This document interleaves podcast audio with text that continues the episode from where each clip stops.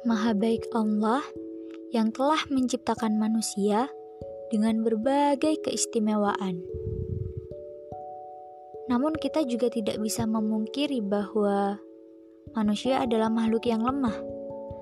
Mereka adalah makhluk akal dan nafsu. Mereka setengah malaikat dan setengah binatang. Jika malaikat selamat karena pengetahuan akalnya, lalu binatang selamat karena ketidaktahuannya tersebab Allah hanya memberikan nafsu tanpa akal padanya, maka di antara keduanya itu ada manusia yang terus berjuang dengan akal dan nafsu yang ada pada dirinya. Barang siapa yang akalnya bisa mengalahkan nafsunya, maka ia bisa lebih mulia daripada malaikat. Dan barang siapa yang nafsunya mengalahkan akalnya, maka sungguh ia lebih rendah daripada binatang. Keduanya ini akan terus tarik-menarik hingga keimanan dan ilmulah yang mampu menahan keduanya.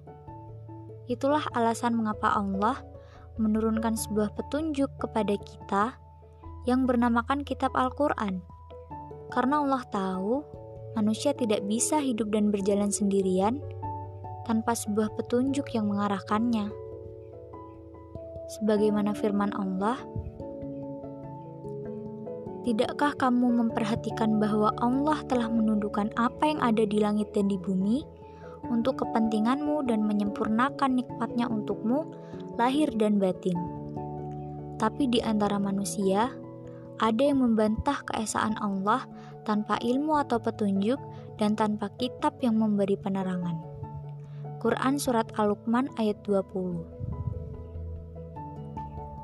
Teman-teman, yang harus kita pahami di sini bahwa agar kita bisa mengontrol diri kita dengan baik, maka kita juga harus menjalankan pikiran kita, hati kita, dan akal kita dengan baik. Salah satunya dengan diberikannya asupan-asupan yang baik pula, agar hati kita, pikiran kita, dan akal kita tadi mampu berjalan seiringan sesuai dengan syariatnya. Karena sebetulnya hati yang dipenuhi dengan keimanan walau sekedar kata la ilaha illallah saja pada saat ada di antara manusia yang melakukan sebuah kemaksiatan jauh di dalam lubuk hatinya ia pasti merasa bahwa ini adalah suatu hal yang salah. Ini adalah suatu hal yang tidak baik dan pasti akan mengundang murka Allah.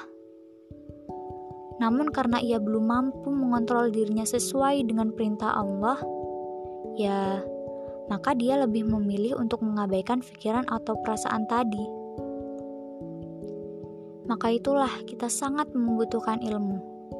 Sebab ilmulah yang mampu membedakan kita ilmulah yang mampu menjaga kita dari sebuah keburukan, layaknya sebuah tongkat bagi si buta, untuk membedakan mana itu jalan yang berlubang dan mana itu jalan yang lurus, untuk membedakan mana itu jalan yang berbelok dan mana itu jalan yang harus diteruskan, yang menjadikan kita memiliki pandangan dan pemikiran yang jelas tentang benar, salah, baik, dan buruk.